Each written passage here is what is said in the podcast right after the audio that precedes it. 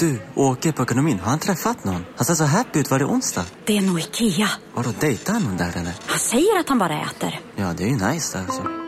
Missa inte att onsdagar är happy days på IKEA. Fram till 31 maj äter du som är eller blir IKEA Family-medlem alla varmrätter till halva priset. Välkommen till IKEA.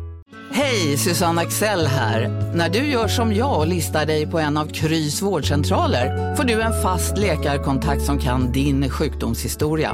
Du får träffa erfarna specialister, tillgång till lättakuten och så kan du chatta med vårdpersonalen. Så gör ditt viktigaste val idag, listar dig hos Kry. Ni är med om det största. Och det största är den minsta. Ni minns de första ögonblicken. Och den där blicken gör er starkare.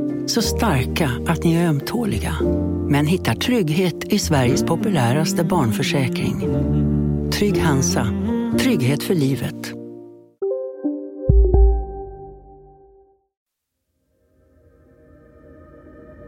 Det är liksom barbariskt våld. Hur kan de här gärningsmännen välja att agera och göra så här? Den här klungan av gärningsmännen går som i trans. Men det här är en fruktansvärt tragisk händelse som jag funderar på än idag, nästan varje dag. I tidigare avsnitt har vi fått följa polisens jakt på Ivans mördare. Det var ju mycket fortfarande som var oklart egentligen vad som hade hänt, vem som hade skjutit. Och vittnet José som hörde skotten såg gärningsmännen och hittade en hylsa och som på eget bevåg hörde av sig till en kommissarie för att lämna över hylsan och berätta vad han sett. Och den där hylsan ligger kvar i flera veckor på den här polismannens skrivbord. Ovetande som Josés insikter letar åklagaren och hans utredningsteam efter just vittnen som kan ha sett något. Vid det tillfället så visste vi inte att skjutningen hade varit i det garaget vid den tiden. Dagar blir till veckor. Januari passerar och februari går mot sitt slut. Och det är först då, över en månad efter mordet på Ivan, som Josés väsentliga information når rätt utredning. Det är där vi i utredningen får vår första kontakt med José. När utredarna till slut kommer i kontakt med José berättar han förvånat för dem att han redan delgett en annan kommissarie allt han vet. Så liksom, känner vi inte till det här?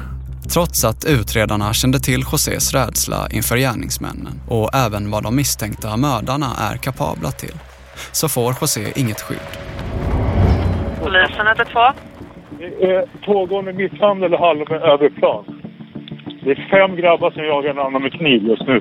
Och Sveriges första vittnesmord är ett faktum. Det sker någonting i Hallonbergen här och nu.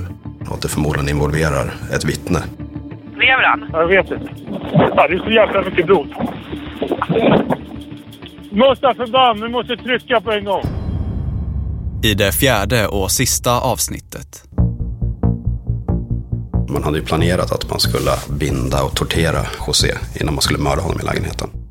Ja, sen en av oss som sitter där bak gick ut bak och skickade någon till helvetet.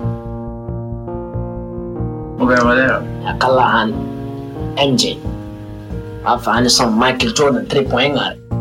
Ödmjukt så vet man aldrig innan eh, hur det går i en rättegång. Jag tycker vi hade bra material. Sen eh, att få en dom, eh, det är aldrig enkelt.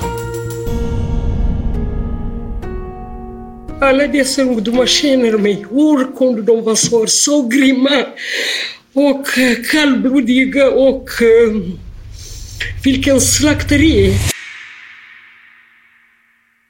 Du lyssnar på en mörk historia om vittnesmordet i Hallonbergen. Jag heter Mårten Trofast. Fjärde och sista delen. Det långa förhöret. Tre av gärningsmännen grips ju på platsen, eller i anslutning till platsen. Eh, så ganska tidigt så har man en bra bild av vad som har hänt. Och det man kan konstatera ganska snabbt är att vi hade tre av fyra gärningsmän.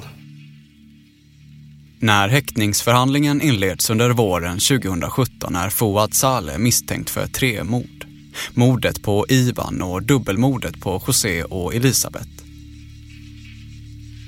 Utanför dörren till häktningssalen knäpper en journalist av en bild. Fouad ler och pekar finger mot kameran. I media dubbas han till den skrattande mördaren. Samtidigt häktas också Mikael Chamon och killen som saknar sin högersko. En 16-åring misstänkta för inblandning i morden på José och Elisabeth Axelsson. När Fouad grips är han täckt i blod. Mikko har ett knivfodral i bakfickan. 16-åringen har en busshammare på sig. En sån där röd med handtag och som kan krossa en hel glasruta i en knackning. Men fortfarande är en gärningsman på fri fot. Vi har ju signalementsuppgifter på honom. Vi hör åklagare Olof Kalmvik som är ansvarig för båda utredningarna. Det vi gör då är att vi försöker hitta en person eh, som eh, kan tillhöra det här nätverket. Och eh, det tar lite tid innan vi får fram den personen. Men till slut så hittar vi ju den fjärde gärningsmannen. Återigen förvånar åldern utredarna. Den fjärde personen är även han 16 år gammal. Han grips och häktas misstänkt för inblandning i morden. Vid en husrannsakan hemma hos en av de misstänkta hittar polisen förpackningen till en morakniv. Och sen kan vi då, när man tittar på den här typen av kniv, eh, så kunde vi leta upp vart det hade sålts ganska få sådana knivar. Så då visste vi att, eh, då kunde vi se att det hade sålts en i Hornbach. Den 2 mars 2017, alltså fem dagar innan dubbelmordet, registreras ett köp på Hornbach i Sundbyberg. Ett köp för lite drygt 4 000 kronor. Orden, knivar, rep och en batteridriven vinkelslip. Och då kunde vi också höra vittnen där som hade sett eh, Fouad vara inne och köpa den här kniven. Och han hade haft med sig de två yngre gärningsmännen vid det tillfället också. Åklagarens teori att utpressa José. Man hade ju planerat att man skulle binda och tortera och förhöra José innan man skulle mörda honom i lägenheten. Och sen att man skulle ringa in det som ett inbrott. Överfallen på José och Elisabeth sker runt nio tiden på morgonen. Mitt framför ögonen på flera förbipasserande vittnen. Att det är så många vittnen är ganska ovanligt. Polisens utredare Tony, som vi bekantade oss med i förra avsnittet. Han som vi inte får avslöja vad han egentligen heter. Brotten sker ju liksom öppet ute, ute på gatan. Dels uppe på en gård och dels nere nära Hallonbergens centrum. Eh, så har, det finns ju folk som ser vad som händer i alla skeden mer eller mindre. Bevisläget är gott. Det finns flera vittnen, men från de misstänkta får utredarna inte ut ett skvatt. Vi får inte ut någonting egentligen av de misstänkta. Fouad eh, säger ingenting och han beter sig ganska märkligt under några, några förhör. Mikko är mer eller mindre tyst under hela förundersökningen, säger inte så mycket. Och de andra två förnekar också liksom deras inblandning. Så vi får egentligen ingen, ingenting från de misstänktas sida. Det, det dröjer. Hur jobbar ni då parallellt med, med mordet på Ivan? Och då blir ju kopplingen så här att eh, det blir ju en väldigt tydlig koppling eh, med larmsamtalet. Roger Jonsson som jobbar med utredningen av mordet på Ivan. Där José uttrycker att eh, det är de här två personerna som är här eh, i lägenheten nu när, när, när, när han ringer och larmar. Och att de är där med anledning av mordet på Ivan. Vi har en, en person som påstår att det här är gärningsmän. För Roger Jonsson blir kopplingen mellan mordet på Ivan och dubbelmordet uppenbar när han lyssnar igenom det larmsamtal som José ringer i panik, sekunderna innan han själv mördas. Där han pekar ut både Fouad Saleh och Mikael Chamoun. Ur utredningssynpunkt så är ju det jättestarkt. Så att här, eh, här blir de eh, definitivt eh, misstänkta på en, på en hög grad. Polisen har sedan tidigare tre personer häktade för mordet på Ivan. Det är chauffören, bilägaren och den person som skickade smsen. Stäng munnen, berätta annat. Nu ansluter även Fouad Saleh och Mikael Shamoun till skaran av misstänkta. Men fortfarande har polisen inte hittat något mordvapen. Och det viktigaste vittnet, José, är tystat. Men den 28 april 2017 händer något som förändrar allt. Man har ju pratat med Fouad vid många olika tillfällen. Eh, och det har väl inte gått så jättebra kan vi sammanfatta det. Eh, han har också bytt då försvarare vid några tillfällen.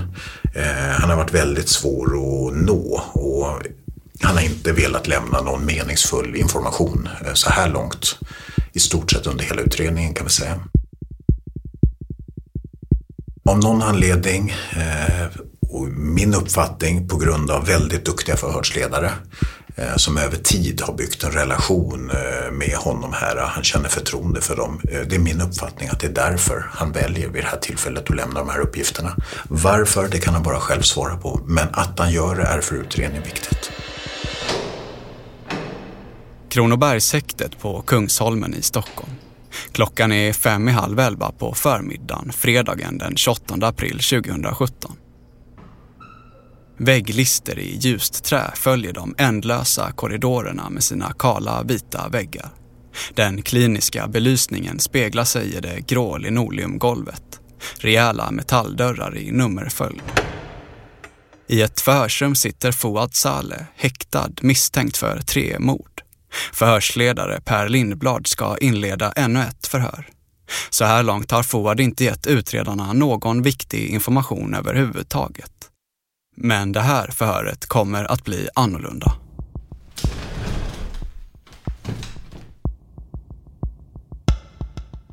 Du säger att du inte vet vem som sköt i garaget i Rödsjövägen. Jag hörde bara smälla och jag höll ett vapen. Ja. Jag vill tala om för er. Så. Ja, men vänta nu. Vad sa du nu egentligen? Jag hörde smällar och jag höll ett vapen. Du höll i ett vapen? Det var jag som sköt. I Rödsjögaraget? Det var jag som sköt i Rödsjögaraget. Men du eh, sköt fem skott? Ah, alltså, vad jag minns. Det var fem skott men jag vet inte om jag sköt alla fem. Okay. Men jag vet om att jag träffade en. Såg du Ivan hela tiden? Ah. Nej. Nej, nej, det är som är grejen. Han han iväg? Ja, oh, han sprang vänster, vänster. När såg du honom? Va? Först, när såg du honom första gången efter garaget då? Han hoppade in i bilen. Vilken bil? Seaten. Han hoppar in där. Vi ser bakdörren öppnas och stängs. Vem ser ni hoppa in där? Ivan. Jag sitter också i en bil. Nu, det jag måste säga en gång till för jag hörde inte. Jag sitter också i en bil. Okej. Okay. Det vill säga, jag sitter i en bil, jag ser en vit bil och åker så här. Men du, du, du, du, säger, du ser en vit bil säger du? Ja. Och sen säger att du sitter i... En annan bil. Aha, ja. det var spännande. Berätta. Den kör så vi åker efter. Okej. Okay. Vi fortsätter, vi fortsätter. De är lite före oss. De är före oss. Sen vi åker, vi åker, vi åker långt fram. Vi åker så här. Sen säger jag, ska jag, ska jag göra? Jag säger ta dem vid svängen. Vi tar dem vid svängen. Säger du det? Ja, jag säger det. Ja, Ta dem, jag säger ta dem i svängen. Ta dem i svängen. Varför i svängen? Det blir enfiligt. Hur lyckades ni få bilen att stanna? Så jag färgade dem. Dem, bromsar. De måste stanna, de kan inte åka någonstans. Det är bilar bakom dem, de är i mitten. Okay. Du är vid Karolinska nu? Ja. Det är en kyrkogård på höger sida. Exakt. Ja. Och där, har du stannat där eller? Ja, alltså jag satt i bilen. Jag satt bak i bilen. Så om bilen stannar, stannar jag också. Och bilen du sätter i står stilla? Mm. Vad händer då? Okej, okay, någon går ut från bilen. Ur vilken bil? Ur bilen jag satt i.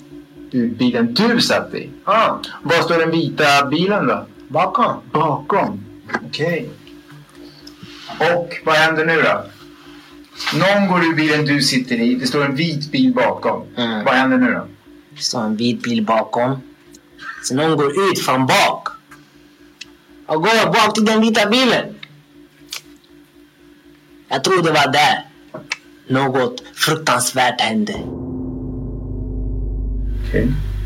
En av oss som sitter där bak gick ut bak och skickade någon till helvetet. Mm, jag hörde. Jag hörde. Vad hörde du? Bangers, tre bangers. Tre smällar. Och vem var det då? Han Som... Eh, skickade någon till helvetet? eh, vadå? Han. Han, han, han. Jag kallar han MJ. MJ. Varför? Han är som Michael Jordan, trepoängare. Han är inte lika lång. Nej, absolut inte. Men han är trepoängare. Okej. Så... Men nu säger du. Mikael sköter Vem är det då? Miko, Miko, Miko. Mikael. Mikael Miko sköt. Han sköt? Mm. Jag borde ha skjutit. Alltså i min, i min hjärna det var jag som sköt. Men jag borde ha skjutit. Okej, varför det? Varför? För eh, jag listade ut att det här var, vad heter det? Riggat. Det var meningen. Att sätta dit mig. Det långa förhöret med Fouad pågår i flera timmar och skördar minst sagt viktig information för utredningarna. Eh, man håller det här långa förhöret eh, och där berättar han eh, många viktiga detaljer kring mordet på Ivan. Han berättar också en hel del detaljer om dubbelmordet. Och i de här uppgifterna så har vi ju fått uppgifter att på ett visst ställe ska det ligga vapen. Så att vi direkt när vi träffas på station här så åker vi och gör en husrannsakan Eh, på det här eh, stället eh, som han har berättat att sakerna ska finnas. Och mycket riktigt så finns det saker där. Det är ett antal pistoler med ammunition och det är narkotika. Ganska rejäla mängder. Och det som är väldigt viktigt för vår utredning kring mordet på Ivan det är att två av vapentyperna som finns här det är ju sådana vapen som vi letar efter. Polisen har nu ett erkännande och eventuella mordvapen. Jag tycker att när vi går till åtal så har vi ett ganska gott bevisläge. Eh, vi kan visa på med hjälp av analytikernas eh, fina arbete här hur merparten av samtliga ärendet inblandade har rört sig eh, i vilka geografiska områden och när. Eh, så vi, vi tycker vi kan måla upp eh, en ganska bra bild av själva händelseförloppet. Vilka som varit på vilka platser när. Och det ihop med filmer som vi har och det här med väldigt fina vittnesmål som vi har fått från många duktiga vittnen. Tycker att vi har ett gott eh, bevisläge. Samtidigt jobbar Tony och hans kollegor med dubbelmordet på José och Elisabeth. När de går igenom Josés mobil hittar de något minst sagt oväntat. Ett meddelande från en polischef. Ett meddelande som innehåller ett passfoto. Ett fotografi på Josés egen misstänkta mördare, Fouad Saleh. Och avsändaren, samma kommissarie som José träffade i en bil vid Sundbybergs rackethall och gav den tomma hylsan till. Fenix-kommissarien. Liksom, vad är det som har hänt? Vi hör journalisten Ann Törnqvist som skrivit boken om morden i Hallonbergen. Gola, vittna, dö. Och sen blir det ju ännu mer märkligt för att det är inte liksom en, en oerfaren aspirant som har liksom fuckat upp. Det är ju en person som verkligen är extremt erfaren, välrespekterad. Hej, Synoptik här. Visste du att solens UV-strålar kan vara skadliga och åldra dina ögon i förtid? Kom in till oss så hjälper vi dig att hitta rätt solglasögon som skyddar dina ögon. Välkommen till Synoptik.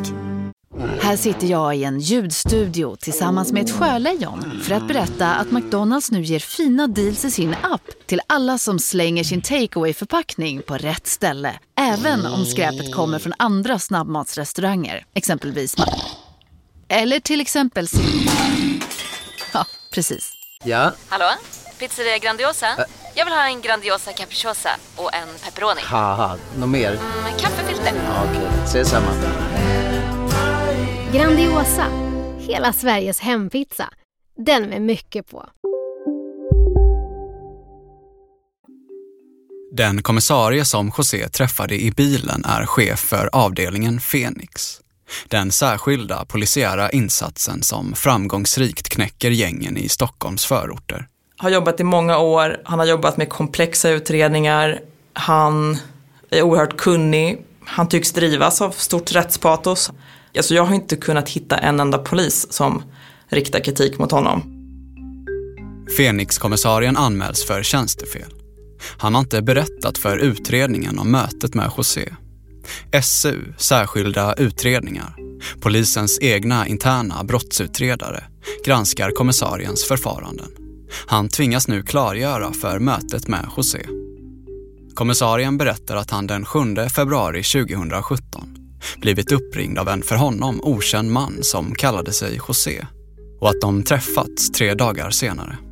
Han beskriver José som väldigt forcerad och att han namedroppar. Det är att bara slänger namn på dem. Fenixkommissarien säger att José lämnade otydliga uppgifter. Att han var forcerad och kanske till och med påverkad. Kommissarien menar att han inte heller förstod sambandet mellan hylsan som José överlämnade och mordet på Ivan. Men när José några veckor senare kommer i kontakt med den faktiska mordutredningen ger han ett helt annat intryck. Jag tyckte han gjorde ett bra intryck, eh, trovärdig i sina uttalanden och eh, ja, han kändes pålitlig. Och eh, när han berättar, är han, liksom, är han forcerad eller stressad eller? Jag upplever nog honom som ganska normal alltså. Ganska normal? Ja, ja. jag nog. Uppfattar du honom som påverkad av någonting? Absolut inte påverkad. Fenixkommissariens uppgifter om att José varit otydlig under deras möte är svåra för särskilda utredningar att motbevisa. Men så får de en öppning när kommissarien den 25 april lämnar in sin telefon för reparation. Utredarna analyserar mobilen och nu visar sig en annan historia än den kommissarien lämnat. Kommissarien och Josés kontakter har varit betydligt mer omfattande än vad kommissarien tidigare uppgett. Flera telefonsamtal, där ett pågick i 11 minuter. Tre dagar efter det långa samtalet skickar José ett sms till kommissarien med innehållet “Vi måste ses, viktigt, förlorar tid”. Det är den dagen som de träffas i bilen vid rackethallen och José överlämnar hylsan. Ytterligare fem dagar senare mässar kommissarien en bild till José. Ett passfoto på Fouad Saleh. José bekräftar att det är rätt person. När José kommer i kontakt med den faktiska mordutredningen några veckor senare är han tydlig med vad han sett och hört. Han pekar ut samtliga som är inblandade i mordet på Ivan. Kommissarien, å andra sidan, påstår att José är otydlig och forcerad under deras samtal, trots att de haft kontakt under en månad.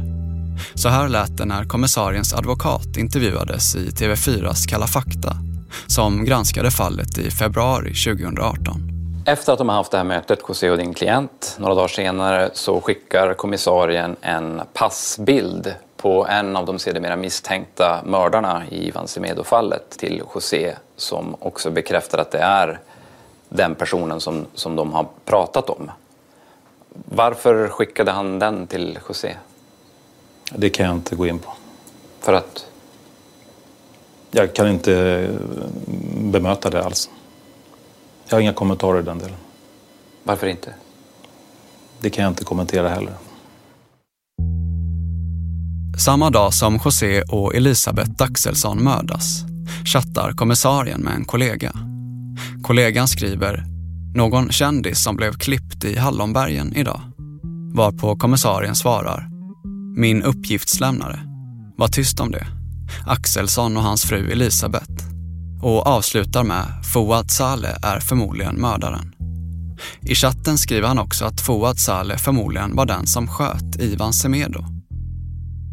Frågan är då, hur kan kommissarien koppla ihop dubbelmordet som just precis skett med mordet på Ivan Semedo sex veckor tidigare? Hur kan han dra den slutsatsen så snabbt? Ett sätt skulle kunna vara att José berättade för kommissarien vilka som låg bakom mordet på Ivan. Men så är inte fallet enligt kommissarien själv. Han menar att han kan dra den slutsatsen för att han har pratat med kollegor och läst på nätet samma dag som José mördas. Det är på så sätt han har detaljkunskap om morden som han sen delar med sig i chatten med kollegan, menar han. Och det går inte heller att bevisa att kommissarien begått några tjänstefel.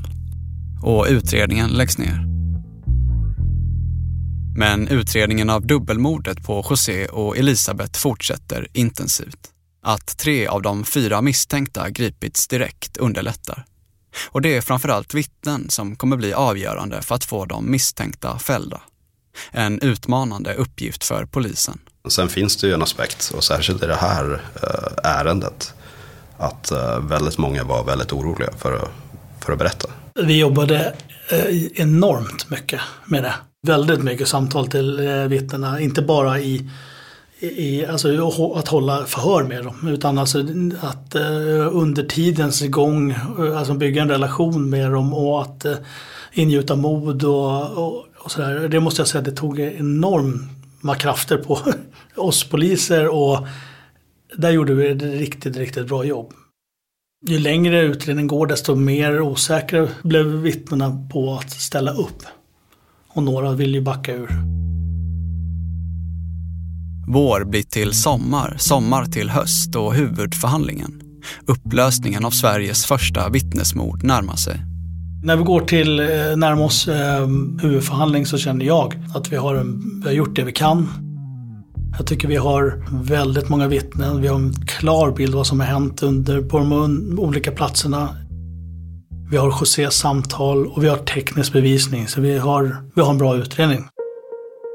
Den 5 september 2017 inleds rättegången vid säkerhetssalen på Kungsholmen i Stockholm. Mordet på Ivan och morden på José och Elisabeth ska nu få sitt uppklarande. Ivans mamma Fatima är där. Hon blickar ut över salen. De som en gång var hennes sons vänner sitter nu på de misstänktas bänk. Det är så sorgligt när man sitter här. Alla dessa barn, alla de sittande här. Jag har sett många gånger med Ivan. Alla var där, men ingen vet någonting. Det är liksom... En del av mig är borta, den glädje jag hade. För jag känner så många ungdomar i hela Rissne och Allonbergen. För jag har jobbat på, med sexåringar i skolan, på fritids och på förskolan som fortfarande jag jobbar. Jag känner så många som fortfarande kommer fram till mig. Fatima, vi visste inte att Iva var din son. Alla dessa ungdomar känner mig. Hur kunde de vara så, så grymma? Och eh, kallblodiga och eh, vilken slakteri! Totalt står nio unga män åtalade. Den mordiska drivkraften enligt åklagarsidan. 21-åriga Fouad Saleh. Mm. Varsågod åklagarna. Tack så mycket. Fouad, vill du börja berätta själv? Nej, vill, ja, jag kan börja med att säga jag skulle aldrig påstå det jag påstått under det här långa förhöret om inte ni hade min hjärna och gjorde omvänd psykologi. Okej. Okay. Men hade du någonting med det som hände i garaget att göra? Nej. Säkert? 100 procent. Fouad backar nu från de uppgifter han lämnat i det långa förhöret gällande mordet på Ivan. Men erkänner mordet på José. Fouad och hans försvarare påpekar flera gånger att motivet inte handlar om att José var ett vittne, utan att man var där för att råna familjen Axelsson på pengar. Jag har ingen uppfattning att Elisabeth eller José har pratat med polisen. Jag visste inte att han hade förrän jag satt häktad.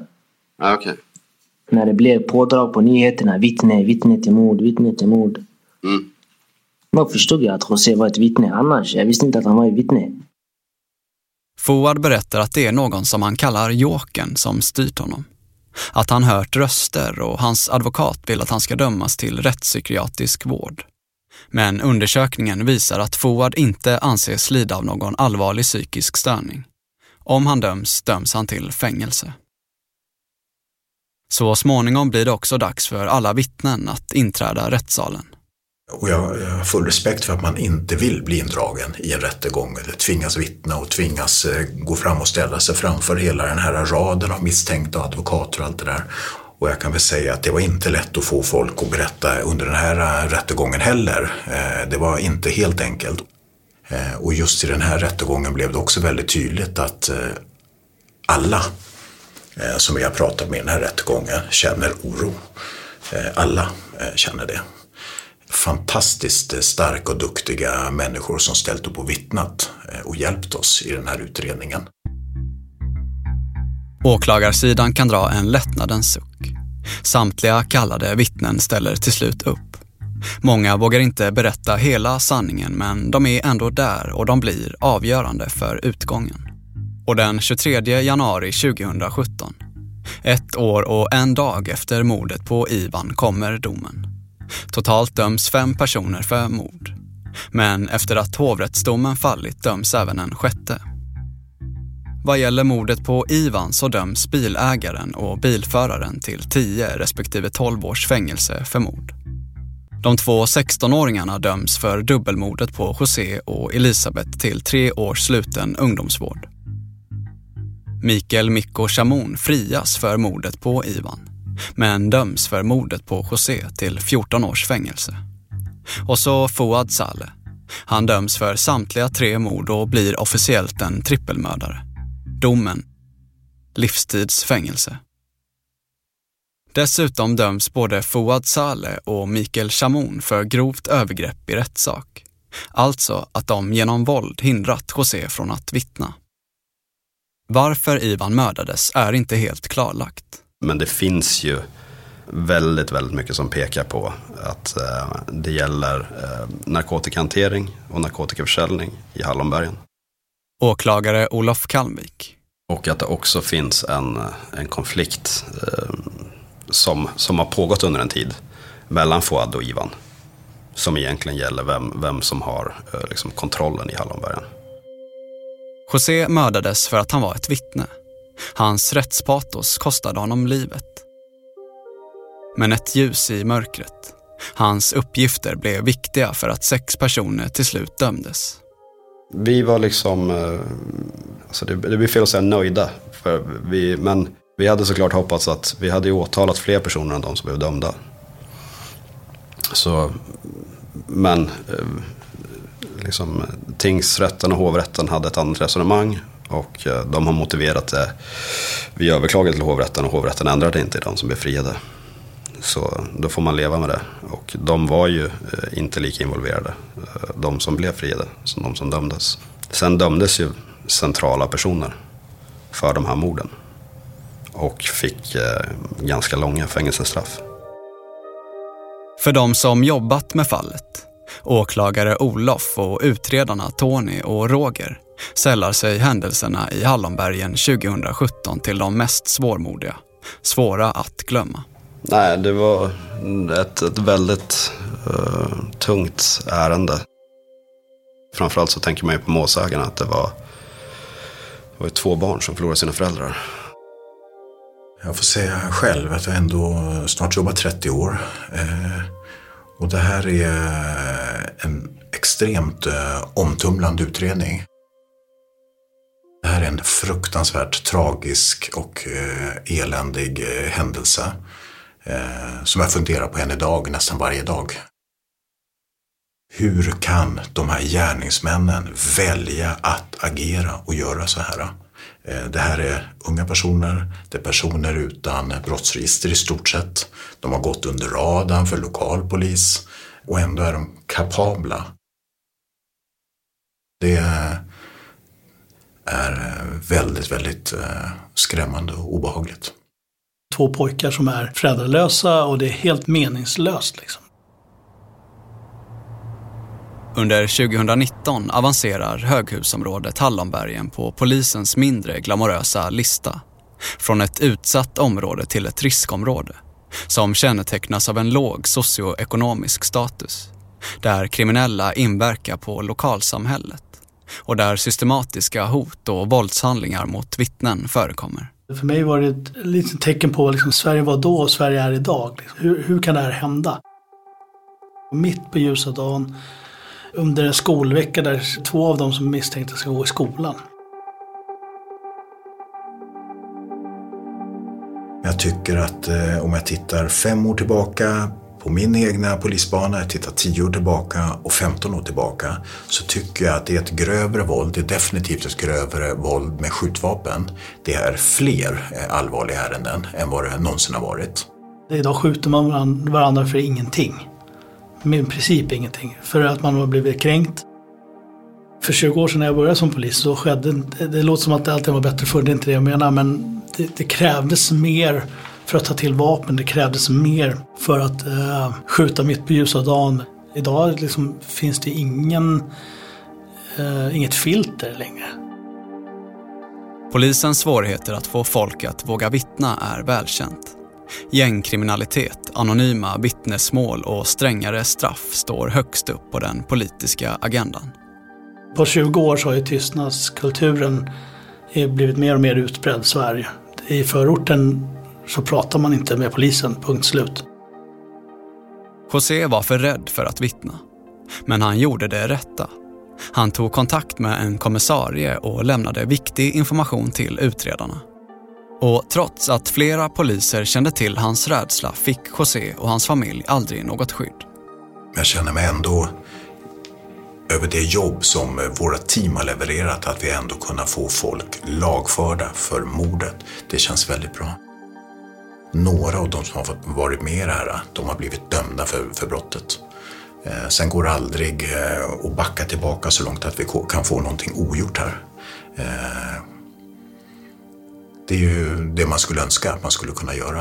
Eh, och det, i den bästa världen då hade man önskat att vi kunde jobba på ett sådant sätt att vi kunde förebygga att det här överhuvudtaget sker. Eh, men det är gärningsmännen som väljer att begå de här grova brotten. Det är deras val. Du har lyssnat på den fjärde och sista delen av en mörk historia, vittnesmordet i Hallonbergen. Vi har varit i kontakt med den person som vi valt att kalla Fenix-kommissarien, som inte velat medverka i programmet. Vittnesmordet i Hallonbergen är en dokumentärserie av mig, Mårten Trofast. Producent var David Mer, ljudmix Gustav Sondén. En mörk historia görs av produktionsbolaget Just Stories.